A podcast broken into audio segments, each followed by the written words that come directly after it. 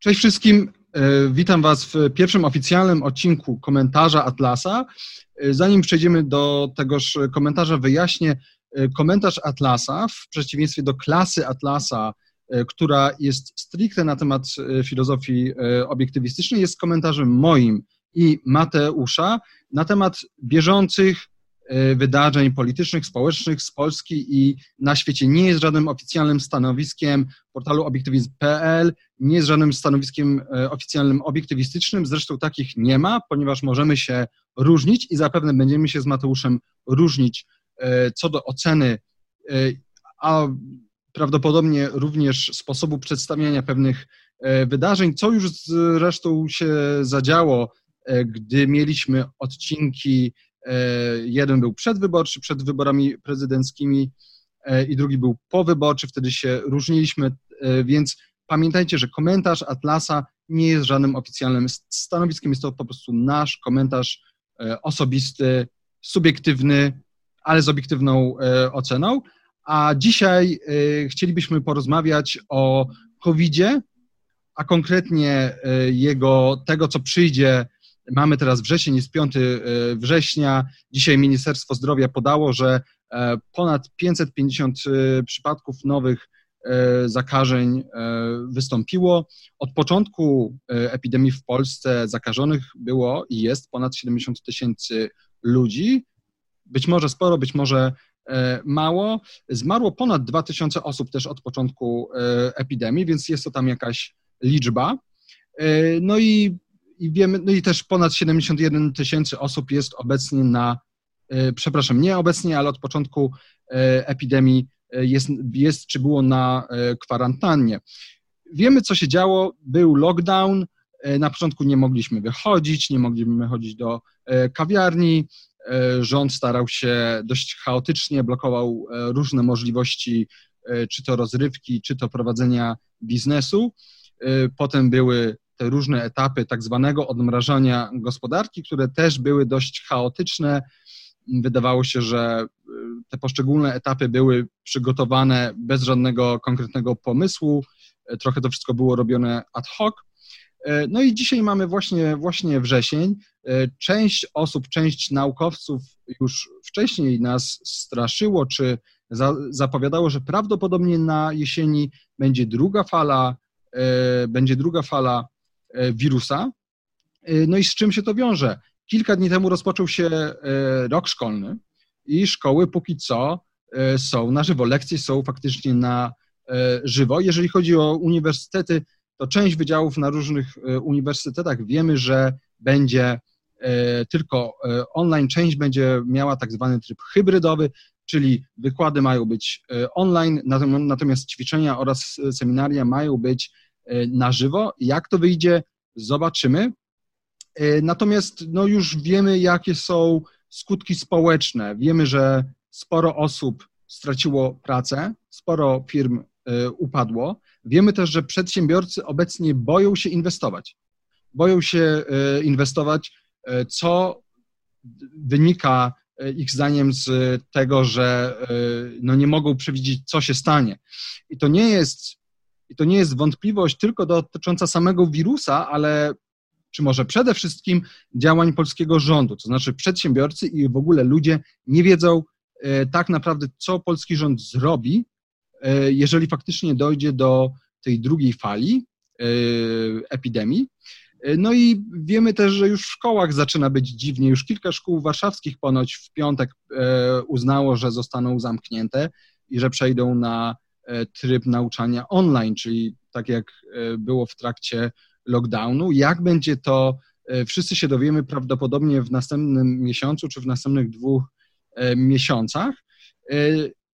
I Mateusz, chciałem się Ciebie zapytać, jak Ty to widzisz? Co sądzisz, czego możemy się, jak po pierwsze, jak oceniasz obecną sytuację i działania polskiego rządu? I po drugie, co sądzisz, że może się stać? Czy możemy się spodziewać czegoś, czy możemy w jakiś sposób przewidzieć, co rząd może zrobić, a jeżeli możemy, to co takiego? Odpowiadając na pierwszą część pytania, czyli jak oceniam sytuację, to są tutaj, jak ja bym powiedział, przynajmniej trzy aspekty, które są powiązane ze sobą, ale wcale nie jest tak, że są tożsame. Czyli aspekt twardych danych na, to, na temat samego wirusa, czyli jak on się rozprzestrzenia, jak szybko, e, jaka jest jego śmiertelność, kto jest najbardziej narażony i tak dalej. To jest kwestia, o której my możemy mówić tylko ty i ja z drugiej ręki, czyli e, na podstawie najbardziej rzetelnych, najbardziej wiarygodnych, jakie udaje nam się znaleźć danych dostarczonych przez epidemiologów i tak dalej. Więc tutaj myślę, że nasza rola jest bardzo ograniczona w komentowaniu tej, tej części sytuacji. Druga część sytuacji to jest yy, to, co my sami indywidualnie jako pojedynczy ludzie możemy robić, powinniśmy robić, nie powinniśmy robić, tak? czyli czy przedsięwziąć jakiekolwiek e, środki zaradcze i tak dalej. I trzecia, myślę, że ta najbardziej tutaj nas interesująca, to jest to, co rząd może, co powinien i co robi w związku z tą sytuacją, czyli jakie powinny być jego kompetencje i uprawnienia e, odnośnie do zaistniałej sytuacji związanej z wirusem i jak sam sobie faktycznie z tym radzi. E, I jeśli chodzi o to ostatnie, no to ja się absolutnie zgodzę z Tobą, że generalnie pierwszy podstawowy zarzut jest taki, że to był chaos.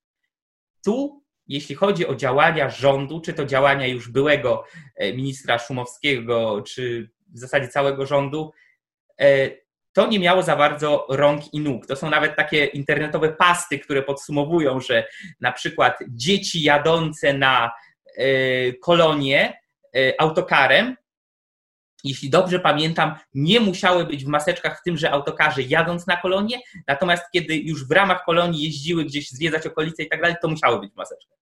Albo vice versa. Szczerze mówiąc, to nie jest istotne, ale e, chodzi o sam fakt y, absurdu tych, y, tych sankcji, absurdu tych wszystkich regulacji, które są takim typowym, bym powiedział, politycznym działaniem pozorowanym.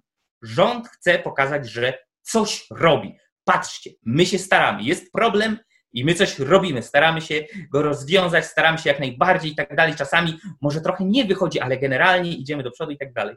No, ja bym powiedział, że, że ciężko jest tutaj pozytywnie ocenić działania rządu, naprawdę. Staram się być teraz delikatny i używać eufemizmów. E, jest raczej pod tym względem e, gorzej niż lepiej.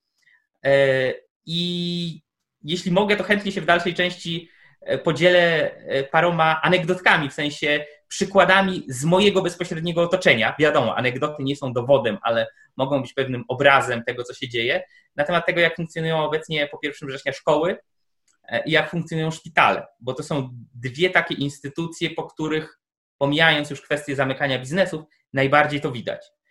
I... To może, to może tak? zanim przejdziemy do szkół i szpitali i tych anegdotek, to jak ty widzisz czy uważasz, że polski rząd ma jakiś pomysł na ewentualną drugą falę?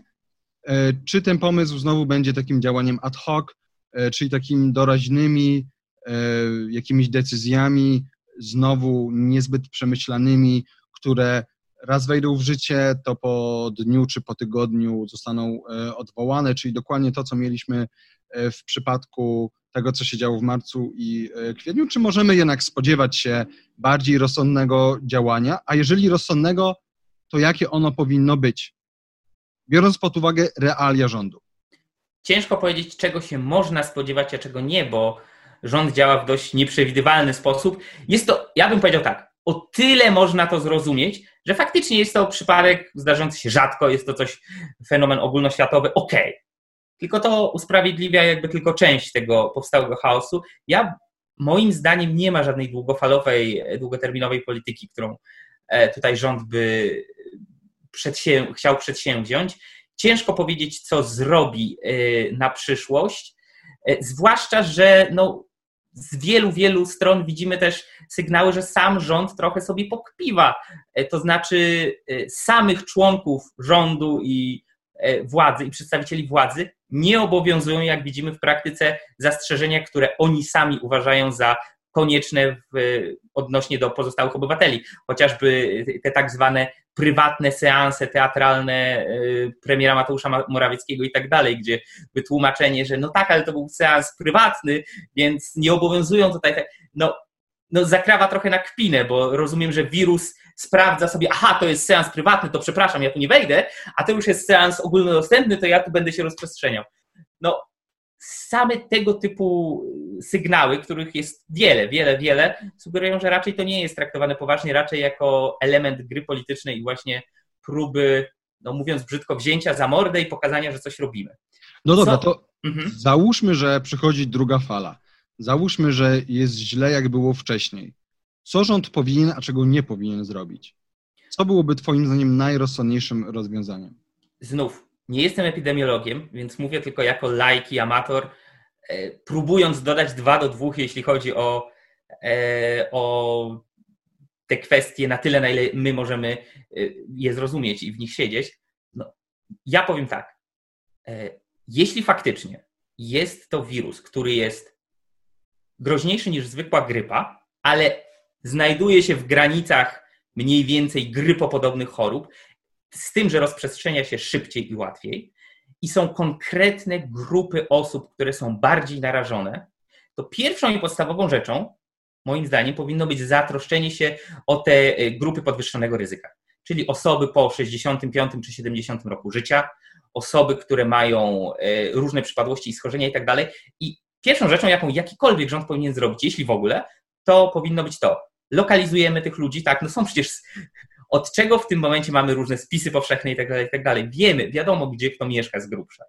E, lo, lo, lokalizujemy tych ludzi, kierujemy przede wszystkim do nich informacje, e, kierujemy do nich wszystkie możliwe dane, wszystkie możliwe e, elementy zachowania, które powinni, których powinni przestrzegać i w przypadkach faktycznego podejrzenia zakażenia izolujemy, robimy możliwie szybko sprawdzenie. W przypadku tych osób z, podwyższonego, z grup podwyższonego ryzyka być może potrzebna będzie chwila dłuższej izolacji. Natomiast zamykanie ponad 35-milionowego kraju i wszystkich jego obywateli w jakiejś szklanej bańce e, z pomysłem, że to zapobierze dalszemu rozprzestrzenianiu się epidemii jest no, absolutnym absurdem i i to absurdem do tego stopnia, że są miejsca, e, do których w tej chwili z Polski można polecieć samolotem bez kwarantanny, ale jeśli uda się tam w tej we w te pociągiem, to obowiązuje się już 14-dniowa kwarantanna. Jak to ma sens? Ja nie wiem. Może w samolocie wirus umiera, a, a, w, e, a w pociągu nie. No ja już trochę teraz sobie kpię i ironizuję, ale jakby poziom chaosu, i tego, jak to wygląda, jest zbyt, zbyt wielki, żeby tu jakakolwiek dalsza racjonalna polityka wchodziła w grę w najbliższym czasie. Powiem więcej, ludzie, którzy sami byli, za, byli poinformowani, słuchajcie, mieliście, e, byliście na takim takim spotkaniu, tam byli ludzie, e, którzy mogli być zarażeni koronawirusem, jedźcie do domu, czeka was potencjalna kwarantanna i później dzwonili do sanepidu lokalnego. Albo sanepidu sam znam takie przypadki, e, miejsca, w którym brali albo na tak zwaną specjalną linię covidowską, która przecież została powołana tylko w tym celu, tak, żeby ludzie mogli się e, do niej odzywać, nie dostawali informacji, byli i są nadal odsyłani od Annasza do Kajfasza e, i generalnie są no, zostawieni samym sobie, jak dzieci we mgle, więc to jest na takiej zasadzie, bójcie się z perspektywy rządu. Rząd mówi, bójcie się COVID-a, bójcie się, yy, bójcie się tego, że możecie się zarazić i umrzeć, słuchajcie naszych poleceń. Natomiast jeśli faktycznie będziecie zaniepokojeni, że macie pewne objawy albo mogliście mieć styczność z ludźmi zarażonymi, to tak długo, dopóki nie wystąpią u Was symptomy, yy, jesteście zostawieni samym sobie. Tak? Jak będziecie mieli gorączkę powyżej 38-39, ok, izolatka. Ale tak długo jak tego nie ma, to Sanepid no, nie będzie tutaj dla Was wielką pomocą. O tym, jak działają w tej chwili szpitale, to, to aż, aż wolę nie mówić, więc no jest słabo. No właśnie, i wydawałoby się, że jednym z najgorszych elementów tego całego lockdownu było właśnie zamykanie poszczególnych e, biznesów. Wiemy, że wiele firm e, upadło, wiemy, że wiele osób straciło pracę albo nie mogło jej e, nawet do dziś znaleźć, bo po prostu się zatrudnienie się zmniejszyło, popyt na pracowników siłą rzeczy się zmniejszył. E, a też te osoby, które zaczęły pracować zdalnie albo mieć zajęcia w ramach szkoły czy w ramach studiów zdalnie, e, też wiemy, że część z nich boryka się z problemami natury po prostu psychicznej, e, bo ta sytuacja lockdownu, zamknięcia zamknięcia w domu, tych wszystkich ograniczeń, po prostu do, doprowadziła do sytuacji, w której no, ludziom się odechciewa żyć. Czyli to jest trochę tak jak traktowanie ludzi, za przeproszeniem, jak takie szczury, które można wsadzić do klatki i udawanie, że wszystko jest w porządku, nie branie pod uwagę faktu, że ludzie muszą przede wszystkim w jakiś sposób być e, produktywni, coś tworzyć, zarabiać, robić coś. I tu nie tylko chodzi o kwestie pieniężne, chociaż to oczywiście jest jeden z głównych e, czynników negatywnych, jakie przyniósł e, COVID, ale też w ogóle poczucie, że coś się robi. I miałem wielu znajomych w wielu branżach, to jest oczywiście znowu dowód anegdotyczny, którzy po prostu czekali, aż odmrożą ich sektor, aż będą mogli iść do pracy, bo już mieli po prostu tego dość. Plus dodatkowo nie mieli jak zarabiać. Więc tutaj nagle te osoby, które właśnie nie należą do tej grupy podwyższonego ryzyka, które nie wiadomo, przeszły, nie przeszły, zostały zarażone, nie zostały, zostały potraktowane wszyscy na równo. Wszyscy mają być zamknięci, e, nikt nie może pracować, oczywiście tam z wyłączeniem E, różnych, różnych tam e, branż i tak dalej. Więc wydaje mi się, że rząd z jednej strony już kilka miesięcy temu zapewniał, że nie będzie takiego drugiego lockdownu. E, myślę, że zapewnienia rządu, patrząc indukcyjnie, możemy, możemy no, mieć w głębokim poważaniu, niestety. I myślę, że być może przy drugiej fali znowu zacznie się lockdown, znowu zacznie się ograniczanie gospodarki i to jeszcze raz, to ograniczanie gospodarki to nie jest wybór między e, życiem a śmiercią. To jest tak naprawdę wybór pomiędzy powolnym umieraniem, życiem nie, nie, nie w taki sposób, w jaki ludzie powinni e, żyć, a jakimś tam niebezpieczeństwem, które dla większości ludzi nie jest tak naprawdę szczególnie wysokie. I to wydaje mi się, że trzeba e, podkreślić. Przy okazji, wydaje się, że coraz więcej osób y, pojawia się w polskim, polskim społeczeństwie tak zwanych denialistów, którzy mówią, że to nie jest pandemia, że to jest plandemia, że to, że to jest jakiś plan, że, e, że to wszystko jest wymysł, że albo koronawirusa nie ma, albo jeśli jest, to tak, to tak naprawdę on w ogóle nie ma e, żadnego wpływu na nasze zdrowie. Wiemy, że też pojawia się coraz więcej osób, które odmawiają. Na, na przykład są rodzice, którzy nie chcą, żeby ich e, uczniowie nosili maseczki. E, są osoby, które twierdzą, że w maseczkach jest wręcz niebezpieczniej. E, I tak jak na początku tej epidemii w Polsce, wydaje się, że niemal wszyscy byli przestraszeni, tak teraz część ludzi albo, albo stwierdza, że po prostu koronawirus nie ma dla nich znaczenia, bo oni są młodzi, zdrowi, i wiedzą, że nie będą mieli żadnych powikłań, a tak w ogóle to już na pewno przeszli. I też się pojawiają tacy, którzy no, mają takie... Mają dość. Mają, mają dość, ale czasami aż do przesady, że negują pewne, pewne fakty e, epidemiologiczne, e, no, które, które, które, które znamy. E, no dobrze, no więc już powiedzieliśmy mniej więcej, czego byśmy nie chcieli, jak było, jak jest i jak może być, i, i, i że to może to jest bardzo zła możliwość, bardzo zła ewentualność. Przejdźmy zatem na koniec do tych szkół i do tych y, szpitali. Znaczy tak, ja jeszcze tylko jedną rzecz chciałam powiedzieć e, odnośnie do perspektywy. Mamy e, epidemię wirusa, e, mamy i w tym, w tym momencie patrzę dokładnie na dzisiejsze dane, czyli 5 sierpnia 2020. Września. Września, ojej. To już, to już jest wrzesień.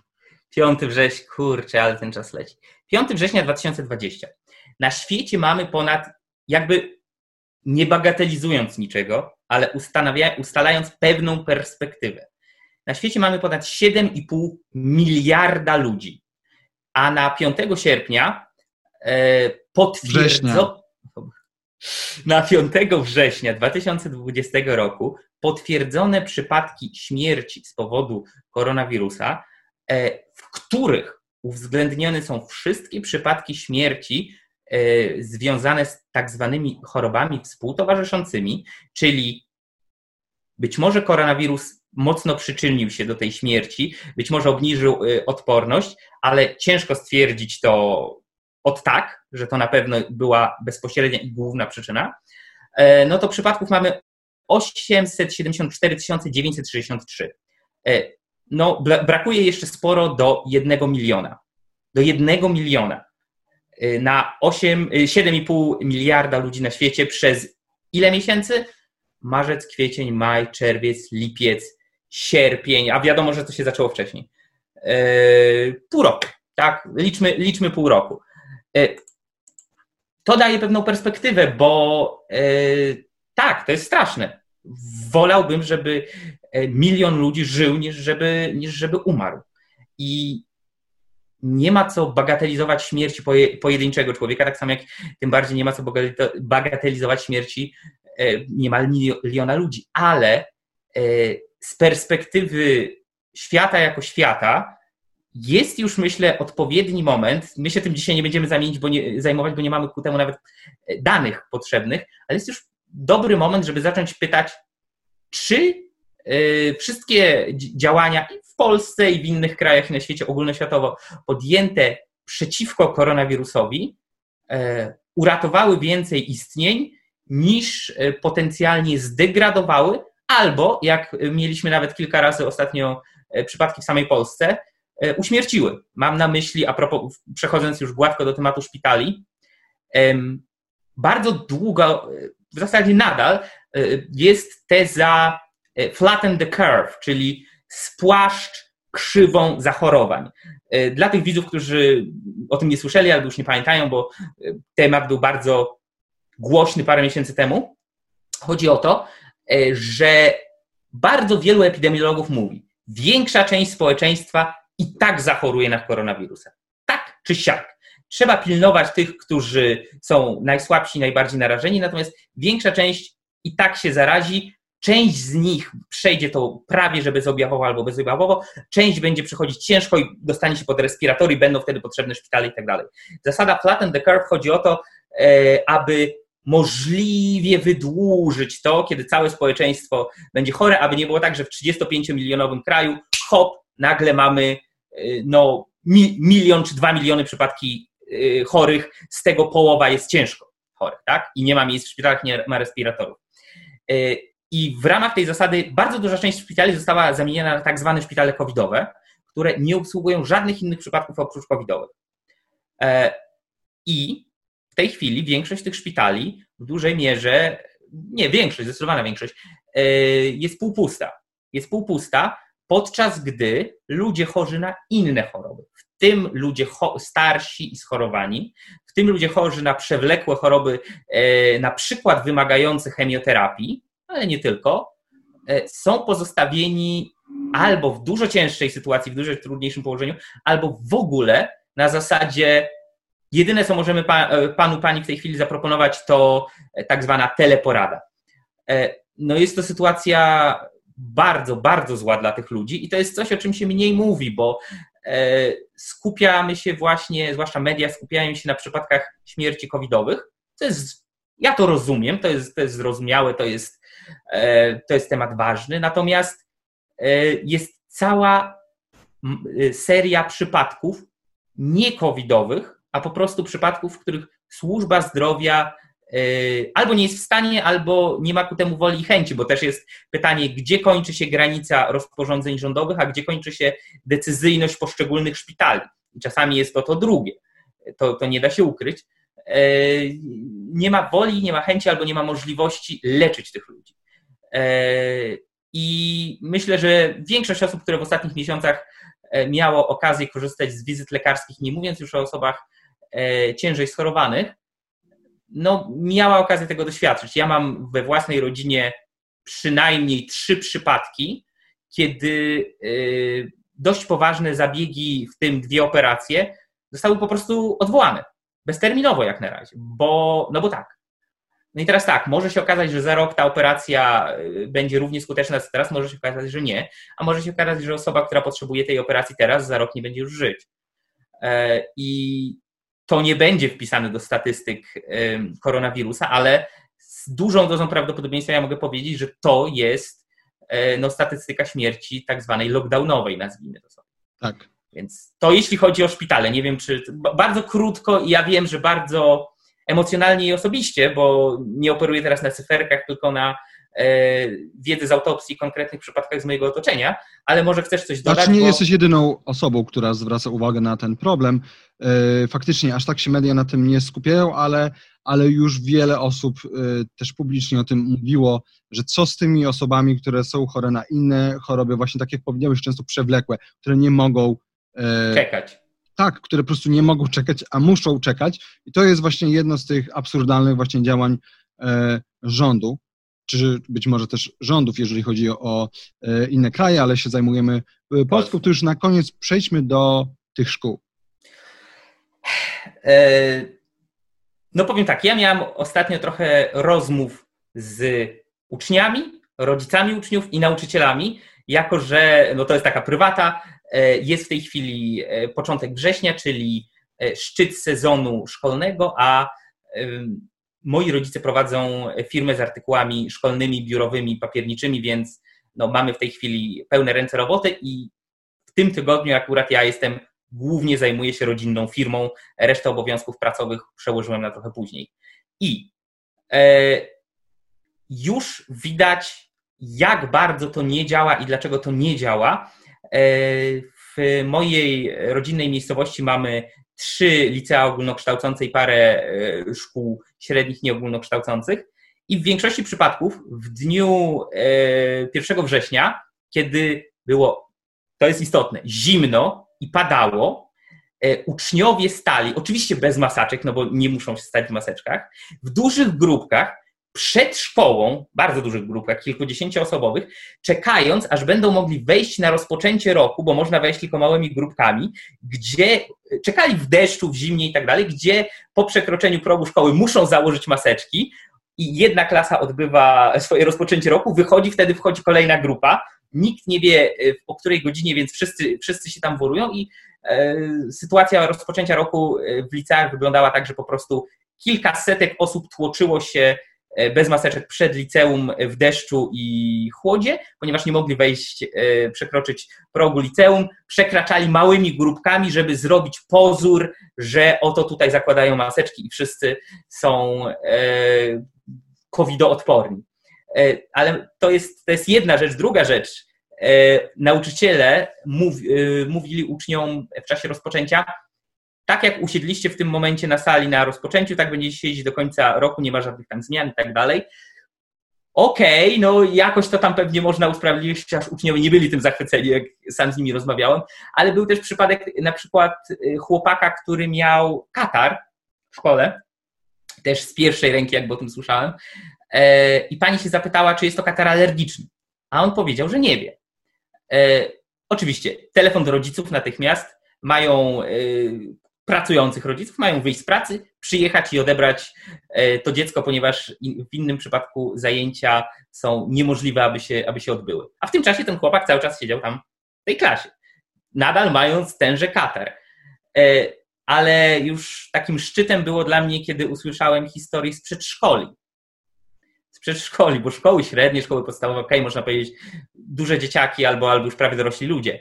E, natomiast dzieci w przedszkolach muszą być, w większości przedszkoli są zostawiane pojedynczo, co oznacza, że jeden rodzic wchodzi z jednym dzieckiem e, do przedszkola, zdejmuje mu kurtkę i tak dalej, i tak dalej. Wszystkie inne czekają w długim rządku.